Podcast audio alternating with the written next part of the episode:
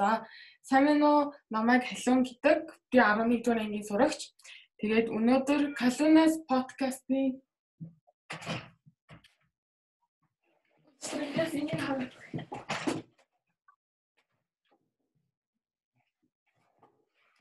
За э уу? Намайг Халуна гэдэг. Би 11 дугаар ангийн сурагч. Тэгээд өнөөдөр Kalunас подкастын 3 дугаар нэвтрүүлгээр хүүхэд өсвөр үеийн клиникийн эмч Цэрэн долгоор эмч маань ярилцлагад орж байгаа. Тий тэгээд Аа сайн байна уу? Аа миний подкастт орж байгаад маш их баярлалаа. Та манай сонсогчдод өөрийгөө танилцуулж өгөөч. За намайг Цэрэн долгоор гэдэг. Би сэтгцэн эрүүл мэндийн үндэсний төвийн хүүхэд өсвөр үеийн клиникийн эрхлэгчээр ажилладаг сэтгцэн эмч хүн байна. Мөн сэтгэл татварч эмч. Аа За баярлалаа. Хоёулынгийнх нь өнөөдрийн ярих сэдв нь бол 10 жилийнхэн ба өсвөр насныхны сэтгэл зүйн эмгэгийн талаар ярилцсан. Тэгээд сэдв рүүгээ орохоос өмнө яг 10 жилийн хүүхдийн сэтгэл зүй ба том хүний сэтгэл зүйн ялгаа нь юу гэдэг юм бол ааха. За сэтгэл зүйн хувьд бол маш их ялгаатай байдаг. Ягаад гэвэл хүн төрсэн цагаас эхлээл хүний сэтгэлийн хөгжил бол явагдаж байдаг. За тэгээд нас насны онцлогтой үечлэлээр нь хамаарат бас тухайн үед гарах сэтгэл хөдлөл, танин мэдгүй, бие биелэлтэр нийгмийн нийгэмдээ идэх байр суурь гэх бүх юм ингээд насны үечлээс хамаарат өөр өөр байдаг л та. А жишээлх юм бол одоо бүр бага насны хүүхэд гэх юм бол аливаа ямиг танин мэдэх, сурах, хүсэл сонирхол, ирмэлзэл ихтэй, за эцэг ихээсээ хараад сэтгэлийн хувьд бол нийгмийн хувьд бол эцэгхээс хараад тэдгэрийг харж үлгэр дуурайл үзэж торимжээдэг бол өсвөр насныхны хувьд бол арай өөр болж эхэлдэг. Өсвөр насны дээр бол бие махбодын хөгжил явагдаж бэлгийн хоёр дахь шинж бас идэвхтэй ингэж а илэрч тэгээд мөн цаашлаад бэлгийн бойжилт нь бол идэвхтэй явагдаж байгаа юм яд нь штэ. Энтэй холбоотой дааврын өөрчлөлтүүд явагддаг. Энэ дааврын өөрчлөлтөөс болоод сэтгэл санаанд нь бас тодорхой хэмжээний өөрчлөлтүүд гарч ирдэг. Энэ өөрчлөлтүүдийг даван туулахын тулд тодорхой хэмжээний бас нөгөө өсвөр насныхнаас хичээл зүтгэл мөн өмнөх насны үечлүүдээ хэрхэн амжилттай даван туусан бай гэдгээс хамаарат сэтгэл зан үйл нь илэрх илгэрлүүд нь өөр өөр байгаад байдаг. За тэгэд мөн өсвөр насны хүүхдүүд маань сэтгэл зүйн хувьд бол эцэг эхээсээ тусдаа байхыг их эргэлзээдэг юм яагаа. Өөрөө шийдвэр гаргах, би ингээд том хүн болж байна. Би өөрийнхөө асуудлыг өөрөө шийдэх, шийдэх хүсэж байна. Нийгэм тодорхой хэмжээ байр суурь эзлэх хүсэж байна. Бусдын итгэлийг дааж одоо өөрөг хариуцлага хүлээхийг хүсэж байна гэсэн юм ирмэлцэл бас явагдаж байдаг. Энэ ирмэлцэлтэй холбоотой бас тухайн ирмэлцэл хүслийг нь эцэг эхчүүд болоо насанд хүрсэн хүмүүс маань зүгээр ойлгож хүлээж авч чадахгүйтэй холбоотой асуудлууд бас өрнжээдэг юм үйдэг. За тэгээ мөн сэтгэл хөдлөлийнхөө хувьд бол өсвөр насныхан маань илүү их одоо өөрийнхөө сэтгэл хөдлөлийг хянаж бага насны хүүхдийг бодвол хянаж сурч яадаг юм уу яага. Өөрийнхөө сэтгэл хөдлөлийг танин мэднэ. Тэгээ тухайн дээр гарч байгаа зан авирт гарсан өөрчлөлтөд танин мэдээ сэтгэл хөдлөлтөө одоо удирдах жолоодох юм чадварууд суралцж идэг үе. За мөн нийгмийн байдлын хувьд бол түрүү хэлжсэн тэр эцэгхээс хараат бус болж бие даах эрмэлзэл их байдаг гэдэг шүү дээ.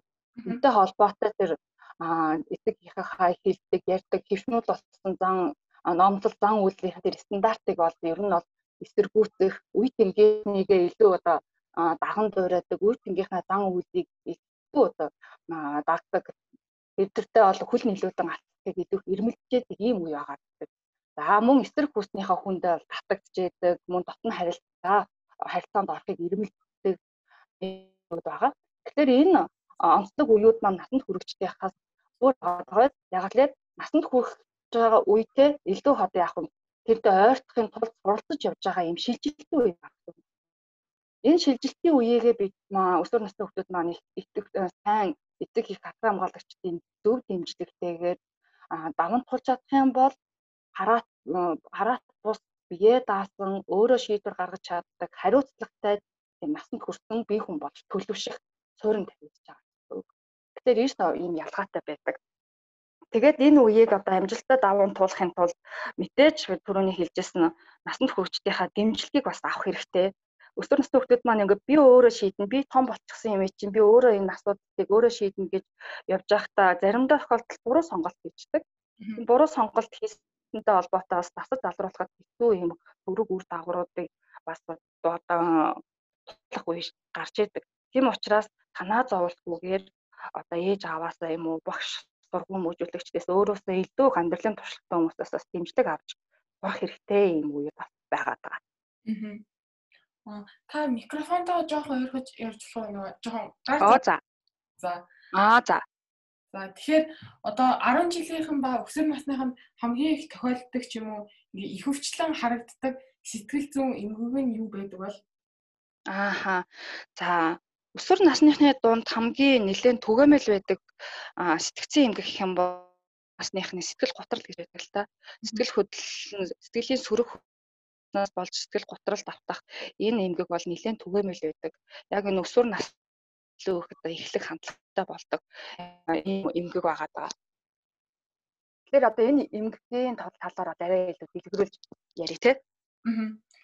За өсвөр насныхын үеийн сэтгэл готрол маань бол үүсэх шалтгаан бол олон янз байгаа. Ямар одоо удамшлын шалтгаантайгаар сэтгэл готрол бол үүсч болдог. Тухайлх юм бол эцэг их нь мах мадан саданд нойрын төрөл төрөс дунд нь сэтгэл готрох готрох хэмжээгээр өвдөжсэн эсвэл хоёр туйлд сэтгцэн хэмжээгээр өвдөжсэн бол бас яг энэ сэтгэл готрол үүсэх боломжтой болж байна гэсэн үг. Цаашлаад бол удамшлаас гадна бие махбодын ямар нэгэн өвчин байвал бас сэтгэл готрох хэмжээнд өртөж болдог. Мөн ямар нэгэн архаг хууч өвчнөөс болж удаан хугацаагаар хэрглэж байгаа эм бэлтгэлээс бол бас сэтгэл готрол үүсч болдог. Юм бол дааврын бэлтгэлүүд сэтгэл готролд их оруулдаг байгаа. За тэгээ сүүлийн үеийн бас илэгний C вирус гэж ярьдаг тийм гепатит C вирусын эсрэг эмийн эмчилгээ бол сайн хэсэг хийгдсэн. Гэтэл энэ эм маань өөрөө давхар сэтгэл готролд бол оруулж болдог. Тийм учраас энэ эмийг ууж байгаа хүмүүсийн дунд сэтгэл готрох эмгэгт өртөх эрсдэл нь бол илүү байдгаа гэсэн юм судалгааны үр дүн байдаг. Тэгэхээр бас эм бэлтгэлээс болж бас сэтгэл готролд өртөж болдго юм байна. За үүнээс гадна хамгийн их түгээмэл тохиолддог шалтгаан гэвэл сэтгэл зүйн гаралтай сэтгэл готрол зүйн гаралтай буюу одоо гадны нөлөөтэй стресс хүнд стресст оруулахуйц сөрөг хүчин зүйлс удаан хугацаагаар нөлөөлөд байвал мөн сэтгэл готролд ортож болдог. Өнөөж олон шалтгаанууд байгаа. Мэдээж гэр бүлийн зүгээс эцэг их хайртай дотны хүний хацаас талах мөн сургууль ойр ойрхон солих хүртэл сэтгэл готрол бол өртүүлж болдог. Ягаад гэвэл тухайн нэг орчиндөө тасан зогцоод тэр хүрээлэлтэй өөрийн тодорхой нийгмийн хүрээлэлтэй болоод тэндээ өөрийн гэсэн байр суурьтай болоод найз нөхөдтэй болчихсон байтал тэр нь ингээд дахиад өөр тишээ яваад шилжээд ирэхлээр тэр тасан цогцож байсан газараасаа холно гэдэг бол өсвөр насныхны хувьд бол бас л хүчтэй стресс үүсгдэг нэг шалтгаан болж идэг. Аа тэгээд мөн эцэг ихэн гэр бүлийн санхүүгийн байдал буурахад бас сэтгэл готролд өртөж болно хүнд өвчин аав ээж найл эсвэл хамаатан саадныхан дунд гэр бүлийнхэн хэн нэг нь хүн дээр өвдөх үед ч гэсэн бас сэтгэл готролд өртөж болно. За ингээд ярих юм бол маш олон асуудлууд бол сэтгэл готрох готролд хүргэж авдаг юм сөрөг хүчин зүйлсүүд болдог байгаа. За ийм олон хүчин зүйлсүүдээс болоод өсвөр насны хүмүүс сэтгэл готрол үүснэ юм байна. Тэгвэл сэтгэл готрол үүснийг мэдэж болох ямар ямар шинж тэмдгүүд байдгүй гэдгийг одоо яриа те. За сэтгэл готрол үүсээ гэгээд ихтэй гинтл үүсчдэг зүйл бол биш байгаа. Энэ маань бол айжмаар гэдэг илэрч идэг хүний хүүхд тухайн хүүхдийн маань сэтгэл хөдлөлөө эсвэл мөн бие махбодд нь ингээд гаргаж байгаа төрх үйл нь ингээд өөрчлөлтүүд гарч эхэлдэг. Эхлээд бол ихэвчлэн нойрны асуу хямралууд гарч ирж байдаг. Нойрондоо муу болдог, эсвэл маш их хэмжээгээр унтдаг болдог, эсвэл шөндөө унтахгүй байсан. Өдөр нь хичээлийнхаа үеэр ч гэх юм уу нийгмийн харилцаанд ортогтой орж байхдаа унтдаг болдог гэх мэт ингээд нойрны өөрчлөлт гарна. За үүнээс гадна мөн унтаад байгаа юм шиг боловч өнгөц унтаад байдаг. Орчноо мэдрээд идэг, хүний яриаг сонсоод идэг, эсвэл ойр ойрхон тав тав гэж зочид сэрээд идэг аль эсвэл хар дард үдлээд идэг ч гэдэг юм ийм нойр чанаргүй унтах юм байдал бол гарч ирдэг байгаа. За энэ нойрны өөрчлөлтүүд бол өсвөр насныхнууд нэлээд илбэг байдаг. А гэхдээ бас өсвөр насныхны хэвийн бас нойрны өөрчлөлт бас байдаг гэдгийг санах хэрэгтэй. Энэ юу гэхээр өсвөр насны дараа ихэвчлэн их орой унтдаг дээ шүү дээ. гарч идэг юм уу те. Ягаад гэвэл энэ тухайн насны нэг онцлог байдаг. Энэ нүүд бол мелатонин гэдэг даавар байдаг шүү дээ. Нойр хүрэхэд ялгардаг. Одоо нар жаргангууд ялгаа харанхуй үед ингээ бие махбод маань ялгараад тэгээ нойрсолтыг дэмжиж өгдөг ийм байгаа. Гэтэл энэ дааврын ялгаралт нь өсвөр насны дээрээ дандаа оройтчдаг. шөнийн 12 цагаас хойш ялгарч эхэлдэг учраас цаанаасаа өсвөр насныхан маань ер нь орой унтаад байдаг. Гэхдээ орой унтсан ч гэсэн яг унтах хэвээр нормын цагаар бол унтчихдээ шүү дээ. 8 9 10 хүртэл унтдаг ч юм уу. Тэгэл эцэгчүүд юу гэдэг вэлээ. Манай хүүхд ерөөсөө шүн унтахгүй маа. Унт гэдэг хад унтаж өгөхгүй байна. Тэгээ өдөр чинь унтчих юм гэж ярьдаг тийм. Энэ бол цаанаасаа юм байдгийн шүү. Тэгэхээр эцэгийнхээ хэлээд байгаа шиг та нарууд нойрны асуудалд орсон бас биш байх нь. Та нарууд яг физиологийнхаа шаардлагаар ч юм уу физиологийн хадаад гэж нойргууд орж болтгийг.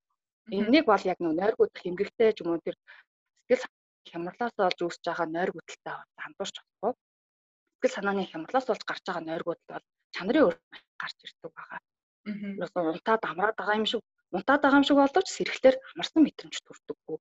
Эсвэл байнгын таагүй зүйдэг зүйдлээд байдаг болчихсон. Эсвэл цочид сэрээд байна. Айгүй сайхан амарч чадахгүй байна гэдэг ийм мэдрэмж төрөөд байгаа бол за энэ өөр шалтгаантай нойргууд юм биш үү гэж бодох нь.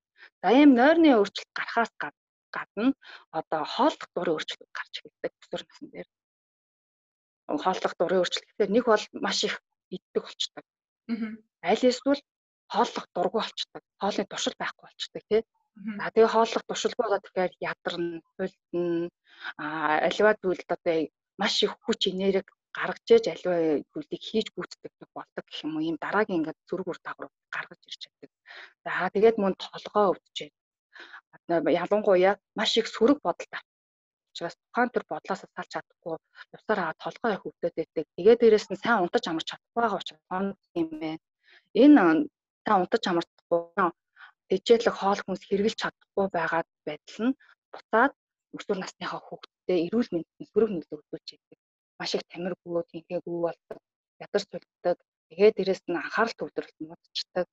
Анхаарал төвлөрөлт муудаад хичээл сурлагантаа анхаарч чадахгүй болдог, сонирхолгүй болдог суралцах амжилтад уурж ихтэй юм шигчүүдэг дагуулж идэг баха. Тэгээд мөн сайн унтаж амарч чадахгүй байгаа хүүхд маань өөрөө сочронтгой олчдаг. Ялангуй дуу чимээ төгшөөдөг, нийгмийн харилцаанд орохоос зайлсхийдэг болдог. Хүмүүс ингээ найз нөхд нь яриад хөөрөө гоё инээ жагтж яах вэ? Тэрнээс төгшөөгөө нөөрэ ирэхгүй. Маш их тэр нь дарамттай санагдаж эхэлнэ гэсэн үг. За томч болон сургууль өргөмжүүдэх цэцэг ихийн зүгээс зүгээр энгийн шаардлага тавихад тэрийг нь маш их эмзгээр хүлээж авах болчдөг ийм одоо шинжүүд бол гарч ирж байдаг бах тий. За тэгвэл тэр мэдээж хооллын мөн тэр хоолны өөрчлөлт гардаг гэдэг хооллох туршилтаар өөрчлөлт гараад байгаа маш их турч эцдэг. Тэгээд турч эцээд эхлэхээр яах вэ гэхлээр нөгөө хүүхд маань тамирт их өгөө болдог гэдэг ба шүү дээ. Тэгээд тэр туранхай байдалд нь сүултээ тэндээ донтох эрсдэл бас гарч ирдэг байгаа. Аа. Өөрийнхөө гадаа төрхөндөө нэгээд би тураал ах нь өөрт нь яг тааламжтай санагдаад тэгэхээр бас тэр байдалтай дуртай гомддог юм асуудал гарч ирнэ. Аль эсвэл маш их идээд эхлэхээр харгалалт явагдана шүү дээ. Тэгэнгүүт бас тэрнээсээ болоод улам сэтгэлээр унаад дахиад турах хүсэлтэд автаж эхэлнэ. Тэр турах хүсэл нь ингээд өөрийнхөө хүснээр ингээд амархан турахгүй болоод эхлэхээр одоо идсэн хүчтэй маш их хэмжээгээр идсэн бол түүнийгээ дараа нь бөөлжиж гаргадаг ч юм уу, огж гарган туулгах юм хэрэгж гаргах гэх мэтээр ингээ хооллох дурын ингэхгүй гэдэг юм бас үсэж болдог байгаа. Тэгэхээр одоо өсвөр наснд маш олон эмгэгүүд үүсэж болт юм байна. Сэтгэл санааны хямралтай холбоотой хоолны эмгэг хүртэл үүсэж явцдаг байна шүү дээ. Хооллох дурын эмгэгүүд тий. За тэгвэл сэтгэл гутралын үед ямар сэтгэл хөдлөлийн өөрчлөлтүүд гараад юм бэ гэдэг тий. За энэ дээр болон маш их сөрөг сэтгэл мэдрэмжүүдийг мэдэрдэг болчихдог. Бүх юмыг сөргөөр хүлээж авдаг болно. Сэтгэлээр унана, гутрана, за төгшин ирээдүйдээ итгэлгүй болно өнгөрсөндөө байнга харамсна.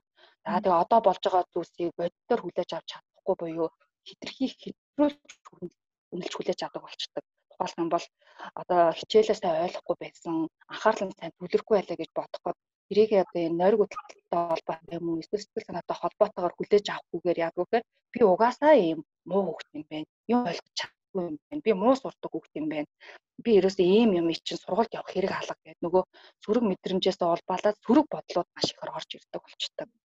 За тэгээд энэ сөрөг бодлууд нь цаашид гүнзгийрээд байх юм бол тухайн хүүхдийн маань зан үйл төр хүлт нь маш их сөрөг нөлөө үзүүлж эхэлдэг. Тэр сөрөг бодлоосоо болдоод нийгэм идэвхгүй болдох, нийгмийн харилцаанд орохыг хүсэхгүй болдох, ганцаардмал зожиг болдох, найз нөхд болон гэр бүлийн харилцаанаас өөр тусгаалах ийм асуудал бол гарч ирж байдаг. За тэгээ ихэнхдээ л өвөө хүүхд маань яг маш их итэх ургаас ургар царай төрхтэй болдог. За тэгээд нүдний гал цог нь унтарчихсан байдаг. А мөн ингээд хэл яриа сэтгэхгүй хувьд их удаашралд орчихсон. Нөгөө итүг сонирхолгүй байгаа байдал нийлт ингээд хөндлөнгийн хүнд бол мэддэгдэхөөс олчдаг. Сургуультай хичээлдээ явлаа гэхэд даалгавраа гүйцэтгэж чадахгүй болдог.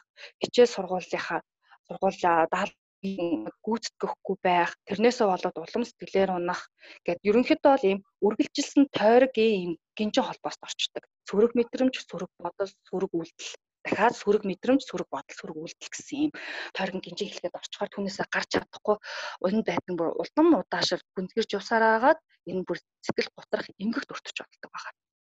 Энэ дээрх сэрэг э, одоо энэ шинж тэмдгүүд нь нэг сараас дэш хугацаатай тогтмол үргэлжлээд эхэлэх юм бол сэтгэл готрох эмгэг өртөжээ гэж ойлгож болно. А нэг сар дотор авал энэ бол зүгээр сэтгэлээр унах, готрох мэдрэмж байгаа даа шүү дээ. Энээс бол ингээд хэсэг хугацаанд үргэлжлээл арилаад гараад явж болдог бол нэг сараас дэш хугацаанд үргэлжлээд байвал эмгэг юм байна гэж ойлгох хэрэгтэй. Тэгэхээр ийм эмгэг мэдж байгаа бол ингэж ойлгосон бол яах вэ гэхлээр бусдаас тусламж авах хэрэгтэй. Тэгэхээр энэ мэдээ яаж өөрийгөө дэмжиж ба энэ асуудлаас өөрийгөө урьдчилан сэргийлж болох? Ааха. Тийм. Тэгэхээр одоо өөрт илрээд байгаа шинжүүд би нэг л биш байгаа даа. Би нэг л итгэхгүй болчлоо. Хүмүүс намайг чи их сонирн болчихжээ гэж хэлээд байна гэд өөрөө анзаарсан бол хүүхд маань яах вэ гэхээр бусдаас тусламж авахыг нэгдүгээр хамгийн түрүү бодох хэрэгтэй. Аха. Өөрөө ингээд мэдээд байгаа боловч ихэвчлэн тухайн зүйл тэр зүйлээ мэдрэмжээсээ салахад хэцүү байгаа. Тэгэхээр бусдаас тусламж аавна гэхлээр айс нөхцөл энэ мэдрэмж хуваалцж ярилцах хэрэгтэй ахна надад их таагүй байгаад байна. Ерөөс сүүлийн үед би хямраад байдаг болоо болчлоо, хоолндоо муулчлаа, хичээлдээ сонирхолгүй болчлоо, ойлгохгүй болоод байна. Гэт бусдаас тусламж авах. Бусдад өөрийгөө илэрхийлж ярих хэрэгтэй. Тухайн сөрөг мэдрэмж илэрхийлж ярьж явах үедээ хүүхдүүд маань ядгүй тухайн зүйлээ өөрсдөө зүйлээсээ өөрийгөө чөлөөлж идэг гэсэн үг. Ярихгүй дотроо хадгалаад байх тусам тэр зүрэг мэдрэмж бодлууд улам их хоримтлагтаар агаад гүн гүнзгээс орчдог байхгүй. Тийм учраас бид нар эрийгээ цаг тухайд нь тухайн тэр сөрөг мэдрэмж мэдэрсэн даруйда удаан хадгалахгүйгээр бусдад хуваалцаж нээлттэй ярилцах нь хамгийн нэгдүгээр авах арга хэмжээ авч чинь гэсэн үг. За тэгээ хэрвээ найз нөхдөд тухай хүүхдийг ойлгохгүй хүлээж авахгүй байж болно шүү дээ. Тийм бол эцэг ихтэй ярих хэрэгтэй. Ямар нь чамааг сонсно. За чамааг ойлгоно, дэмжинэ. А эцэг их нь бас ойлгож хүлээж авч чадахгүй байвал багштай ярих. Эсвэл сургуулийн сэтгэл зүйчтэй аль эсвэл бусад чиний итгэлийг дагаад чамайг ойлгодог хэн байдаг вэ? Тэр хүнд ярих хэрэгтэй.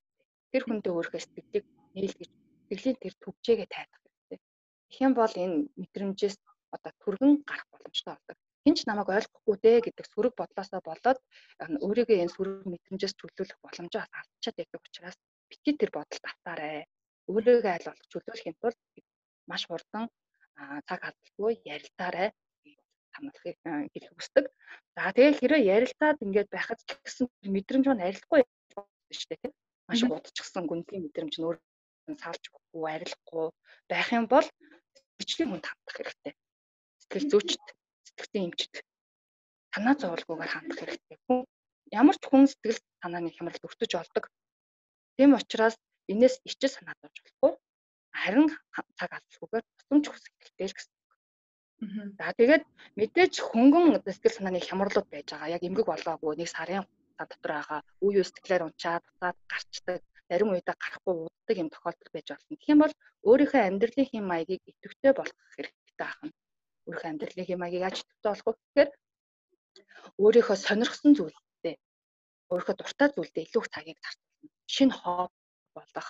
За өөрийгөө аль болох завгүй байлгах. За тэгээ шинэ зүйл чинь татагдаад ирэхлээрээ хүн чинь бас сонирхолтой болоод тухайн зүйлээсээ таашаалыг сэтгэлийн гоё эерэг мэдрэмжийг аваад эхэлдэг шүү дээ. Тэгэхээр энэ зүйлд бол илүү цаг зарцуулах юм байна. Нөхцөлтөө цагийг чөлөөлтөө өнгөрөх тал дээр илүү анхаарах хэрэгтэй байдаг юм байна. За тэгээд мөн чанартай хоол хүнс хэрэглэх маш унтаж амрах тал дээр анхаарах хэрэгтэй. Тэгэхээр унтаж амрахтаа анхаарна гэхлээр бүх юм өөрийгөө оршноос тусгаалчаад унт унт унт гэж хүчлээд иж болохгүй эсвэл хонио тоолоод яваад иж болохгүй тий. Тэгэхээр яах вэ гэхэлэр орчин бүртгүүлнэ. Эртхэн шиг унтахад ядаж 10-аас 11 цаг үед өрөөндөө ороод бүх дуу чимээ гаргадаг зүйлсээс өөрийгөө тусгаарлана. За тэгээд нөгөө гэрэл гигээтэй байгаад тэднээс одоо хөшгөө сайн хаагаад гэх юм уу гэрэл гаргаад идэх зүйлсүүдээ унтраах юм байна. За тэгээд техник технологийн зүйлсүүдийг бол унтраас илүү зохимжтой байдаг. Ялангуяа утсаа, тэгээд компьютер утсаа, телевизээ тэдээсээ хол байлгаж өөрийгөө чөлөөлөх хэрэгтэй. За тэгээд тэр гадны нөлөөллөөс өөрийгөө тусгаасныхаа дараа өөрийнхөө сэтгэл санааг хэвэн байлгах хэрэгтэй болно. Тэгээд унтахад өөрийгөө бэлдэн гэсэн үг. Ихэнхдээ тэр сэтгэл санаа хямарсан үед бид нар яадаг вэ гэхээр уйлгт бодол авчиждаг шүү дээ. Нөгөө сүрэг салж өгдөггүй, тэгсээр нь ач холбогдолгүй нэ холны бодлыг бодоол идэг те. Тэр бодлоос өөрийгөө салгаж чаддаггүй. Тэр бодлоос бид нар яа салах вэ гэхээр унтахын өмнө сайхан тайван хөвтөж агаад амьсгалын засаг Тэгээ амьсгалын татгалыг хийгээд өөрийнхөө бодлыг чөлөөлнө гэсэн үг. Амьсгалын татгал хийж явах үед яадаг вэ гэхээр хүний булчин сулраад за дээрэс нь зүрхний цохилт хэмээ хэмжээндээ буугаад за дээрэс нь бүхэн амьсгалтай анхаарлаа хандуулаад ирэхлээр нөгөө сөрөг мэдрэмжээс үүдэлтэй сөрөг бодлуудыг бид нар тэр гинжээ холбоог татлах боломжтой болдог байхгүй? Тэгэхээр сайхан амьсгалын тасгал юм. Энэ амьсгалын тасгалаа хийхдээ өөрийнхөө орчноо эхлээд бүрдүүлсэн байгаа шүү дээ оюулаа чинь тий. Тэгээ орчноо бүрдүүлчихэд өөрийнхөө та байрлалаараа хийв. Нэгдүгээр хамраараа гүнзгий амьсгал авна. Хамраараа гүнзгий амьсгал удаан гүнзгий амьсгал авлаа. Нэгээс 3-ын тоонд амьсгалаад хэсэг төгч амьсгалаа явлаа, амьсгалаа төгчлээ. Амаараа удаан үлээж гаргадаг байгаа амьсгалаа. Аа үргэлжлүүлээд амьсгалаа хамраавлаа, хэсэг төгчлээ, удаан үлээж гаргав энэ дасгалыг яг ингээ өөрийгөө тайвширтлаа тухайн нөгөө сүрэг бодол мэдрэмжээ мэдрэмжээс өөрийгөө салтлаа энэ дасгалыг хийх юм бол нэг мэтгэд унтахад бүх бие махбод маань болон оюун ухаан маань бэлтгэгдсэн байдаг. Тэр бодлыг бид нар салгаад тархиа амраах горимд оруулах юм бол хүссэн үсээгүй хүн хүн нойронд чанартай нойронд орох боломжтой болдог байгаа. За ингээ сайхан унтаж амрахтаа өөртөө бэлдэж өгөх юм байна. Маш сайн унтаж амарч чадж байгаа юм чинь өөрийнхөө өдөрт хэрэгтэй калорилог хоол хүнсээ бид нар бас хэрэглэх хэрэгтэй. Тэгэхээр бас хоол зүйчээс бид нар бас тодорхой хэмжээний мэдээлэл мэдээллийг бол хүлээж авч болно. А дээрэс нь бид нар өөртөө хэрэгтэй эрүүл хоол хүнсний талаар мэдээлэл бол хүрсэн газараас авах боломжтой гэдэг тийм интернет ертөнцөөс нэр авах боломжтой. Гэхдээ маш сайн баталгаатай их сурвалжаас ямар хоол хүнс хэрэглэх вэ гэдэг талаараа бид нар мэдээлэл авах хэрэгтэй. Тэгэхгүй болохоор ихэнх одоо хоолны зөвлөгөөнүүд нь турах гэдэг ч юм уу одоо турхад зориулсан ийм дэглэмүүд байгаад байдаг. Өсвөр насны хүүхдүүд маш их нөгөө бодин солилцооны эрчимтэй үе явагдаж байдаг учраас турах гэхээсээ илүүтэй шим тэжээлтэй хоол хүнсийг авах юм бол илүү хэрэгтэй байдаг. Яг гэвэл өсвөр насны дээр бид угаасаа маш их хөдөлгөөнтэй байдаг шүү дээ. Спортоор хичээлж шиг хөдөлгөөнтэй найз төгсдөгөө юм хөдөлгөөнтэй төлөвч ингээд уулзаж учраас юм хөдөлгөөнтэй төлөвт орж идэг. Тэгээ энэ үе дээрээ бид нар хоолоо сойгоодох юм бол нөгөө л ядрах, цуйлдах, ядар сүлзэн хүн чинь их зочромтгой болчдөг. Тэгээ сэтгэлээр унамтгай, гутрамтгай болчдөг учраас хоолтон дээрээ бид анхаарах хэрэгтэй. Чимт ижэлтэй өдрийнхөө тэр эрч хүчтэй шаардлагатай хоол хэрэглэх юм байна. Гол нь зөв зохистой хооллолчихгүй л гэдэг баггүй. Хүүхдүүд маань их хоол идчихлээр таргалдаг ойлгочдөг. Гэтэл энэ нь тийм байдаггүй. Бид нар зөв зохистой буюу ойр ойрхон бага порцоор хэрэгтэй шимт ижилтэй зүйл аваад идэх юм бол тэр нь ерөөсөө таргалуулахгүй бодис соёлтой харинч идэвхтэйгээр маш зүгээр дэмжиж яваад байдаг учраас энэ хоолтон дээрээс анхаарах хэрэгтэй юм байна. За нойрсолт хоолтонтой анхаарсан юм чинь одоо сэтгэл зүйн тэр цөрөг бодлуудаас яаж салах вэ гэдэг дээр анхаарах хэрэгтэй болно. Цөрөг бодлуудаасаа гарахын тулд хүний хийсэн амьсгалын тасгал гэж болно. Амьсгалын төрөг бодолтой орох, сэтгэлээр түгшээ, таагүй мэдрэмж төрөх болгондоо амьсгалын тасгалаа хийгээд тэр бодлоос өөрийгөө сөрөг мэдрэмжээс өөрийгөө чөлөөлөд байх боломжтой байна. За найз нөхдөдөө түр уулзаж ярилцах, бусдтай өөрийнхөө бодлыг хуваалцах гэж ярьжсэн тий. Зарим тохиолдолд ярих хүн олдохгүй байж болно шүү дээ. Тий, тийм үед яах вэ гэхээр амьсгалын тасгалаа хийх юм байна. За тэгээд түүнээс гадна хин нэгэн заавал ярмаар хэлмээр санагдаад байвал тэмдэглэл хөтлөж болдог. Аа өөртөө тэмдэглэл хөтлөөд одоо үеийнхаа төрөөгөө мэдрэмжүүдээ сайхан бичнэ. Тэр мэдрэмжээс болоод гарч ирж байгаа бодлуудаа жагсаагаад бичиж болно. За тэгээ тэр бодлууд маань үнэхээр яг бодтой юм уу үгүй юм уу гэдэг дээр дүн шинжилгээ хийгээд буцаагаад өөрийн бичсэн зүйлээ уншаад дүгнэлт хийж болно. Тэгэх юм бол энэ бол маш ашигтайгаар мөн өөртөө маш сайн чанартай цаг зарцуулж байна гэсэн үг. За ийм олон аргуудыг бас хэрэгжилж болно. За үүнээс гадна нэмэлт айгүй хөнгөн аргууд байдаг. Өөрхөө сэтгэл санаа хэвийн болгодог. Дуртай дуугаа сонсож болж байна. За өөрийнхөө хүссэн дасгал хөдөлгөөнөө хийж болж байна. Дуртай дуугаа тавиад бүжгэлчих болно. За найз нөхдөдөө гараад алхах болно. Зөндөө олон юм энгийн зундад цагийг чөлөөтэй өнгөрөөх аргууд юм шиг боловч цаагаараа хүний сэтгцийн эрүүл мэндийг дэмжижээдэг олон юм аргууд гэдгийг бас өөртөө тохирохыг нь сонгоод хэрэглэж болж байгаа. За ийм олон аргуудаар өөрсдөө урьдчилан сэтгүүлж болдго юм байна.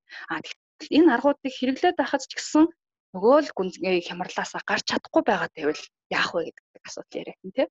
Тэгэх юм бол энэ үед бид нар яг мэрэгжлийн хүнээс тусламж авах хэрэгтэй. Мэрэгжлийн хүнээс буюу мэрэгжлийн сэтгэл зүйчээс сэтгцэн эмчээс тусламж авах хэрэгтэй. Цаг алдалгүйгээр. Аа. Тэгэхээр энэ мэрэгжлийн тусламжийг хаанаас авч болох одоо Монгол аль хин хандгуу? Аха. Сэтгэл зүйч нар бол маш олон байдаг. Аха. Сэтгэл зүйч, сэтгэл зүйн зөвлөгөө өгдөг төвүүд гээд маш олон байдаг. Гэхдээ энэ дотроос бид нар бас маш сайн судалж очих хэрэгтэй. Чиний яг нууцыг хадгалж чадах, яг тэр ёс зүйтэй сэтгэл зүйч гэдэг хүн байх хэрэгтэй. Тэгэхээр одоо зүгээр маш олон дээр зар болгон дээр очих биш. Аль болох чиний бусдад одоо танигдсан ихээсээ илүүтэй чиний итгэлийг даах хүн байх нь чухал. Тэгэхээр маш сайн судлах хэрэгтэй байх нь тэр одоо сэтгэл зүйн зөвлөгөө өгчээсэн туршдах нь хэрийн ялангуяа өсвөр үеийнхэнтэй хэр их ажилтгийн тэр өсвөр үеийн хүүхдүүдтэй ажилласан туршдах нь хэрийн бэ гэдгийг сайн мэдэж авч яж одоо тэр сэтгэл зүйчтэй хандвал зүгээр идэг шүү.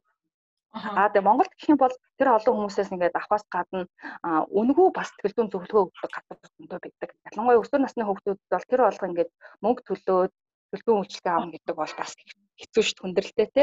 Тэгэхээр улсын байгууллагууд байгаа. За гэр бүл хүүхэд залуучдын хөгжлийн газрууд гэж байдаг те. Гэр бүл хүүхэд залуучдын хөгжлийн төв тэний хаяа газрууд дүүрэг болгонд байдаг. Энэ газарт очиод сэтгэл зүйчтэй хавалцах юм бол ямар бүргүүгээр дээрээс нь маш ёс зүйтэйгээр хүмүүс маань танаар тусламж үйлчлэг үзүүлдэг. Маш бүх боломж талаараа бол холбон зурчлагаас гадна зөвлөгөө өгч тусламж үйлчлэг үзүүлдэг байгаа. За мөн дүүрэг болтгоны эрүүл мэндийн төвүүд байгаа. Эрүүл мэндийн төвүүд дээр сэтгэл зүйч нар байдаг. Өсвөр үеийн кабинет гэж байдаг. Энэ кабинетууд дээр бас байгаа. Тэгэхээр тэр хүмүүс та нарт ямар ч үн төлбөргүйгээр бас тусламж үйлчлэг үзүүлдэг. Маш их туршлагатай хүмүүс байдаг. Энэ хүмүүстээр бас авч болно. Мөн үүнээс гадна манай сэтгцэн эрүүл мэндийн үндэсний төвийн хүүхэд зүрийн кабинет гэж байдаг. Энд ирээд бас үн төлбөргүйгээр тусламж үйлчлэг авах боломжтой байна. Энд нь бол шаардлагатай бол хэвдүүлэн эмчилгээ тусламж үйлчлэг үзүүлнэ. Мөн амбулатори кабинетаараа туслын сэтгэл зүйн зөвлөгөө бас үзүүлдэг юм бас тусламж үйлчлэг үзүүлдэг байгаа. Ер нь хайгаад үзэх юм бол үн төлбөргүй тусламж үйлчлэг үзүүлдэг улсын байгууллагууд болон хувийн бас газрууд байдаг хүүхдүүд ямар ч төлөвлөгөөгүй нийгмийн хариуцлагын хүрээнд бас төлөвлөлт үзүүлдэг юм сэтгэл зүйч нар төвүүд байдаг. Тэгэхээр хүүхдүүд бол санаа зовлтгүйгээр өөрийнхөө сэтгцэн эрүүл мэндийн төлөө айлгүйгээр гол нь бас ичилгүйгээр тусламж үйлчлэгийг авах боломжтой байгаа. Тэгэхээр өнөөдрийн ярилцлагаас би өөрийгөө сонсож одоо өөрөө юу хийхийг хүссэн тэрийгэ хийж иж одоо сэтгэлийн гутралаасаа гарах боломжтой гэж ойлголоо. Аа яг зөв. Та тэгээд манай сонсогчдод ч гэсэн маш их зөвлөгөө өгсөн баярлалаа. Манай сонсогчдод нэлээд олон юм сурсан байх гэж бодож байна. Аа. Ингээд манай нэвтрүүлэг өндөрлөж байна. Дахиад та миний юу миний нэвтрүүлэгт орсонд маш их баярлалаа. Энэ подкастны 3 дугаар анги байгаа. Аа намайг урьж оролцуулсанд бас маш их баяртай байна. Аа их том сэдвийн хүрээнд базаж одоо тодорхой богино одоо ойлгомжтойгоор ярих гэж хичээлээ. Гэтэ энэ бол их том сэдвэлтэй. Өсвөр насныхны зүүн асуудал, сэтгцийн асуудал гэдэг бол их том сэдв байдаг. Энэ насны онцлогтой холбоотой олон асуудлууд урган гарч идэг. Эндээс хойлоо зөвхөн сэтгэл гутралын талаар л илүү түгээмэл тохиолдог учраас сэтгэл гутралын талаар ярьлаа. Гэвч бол цаана бол маш олон асуудлууд байж идэг аа. Гэтэ юу ч болж исэн өөрийнхөө сэтгэл мэдрэмжийг маш сайн чагнаад, өөрийгөө сайн ойлгоод бас бусдаа санаа зовлгүйгээр хэцүү байгаа тохиолдолд тусламж авч авах хэрэгтэй байдаг шүү гэдгийг л маш сайн ойлгоосэй гэж хүсэж байна. За За ярьцсан гарсан маш баярлалаа. Баяртай. За баярлалаа. Баяртай. За баяртай.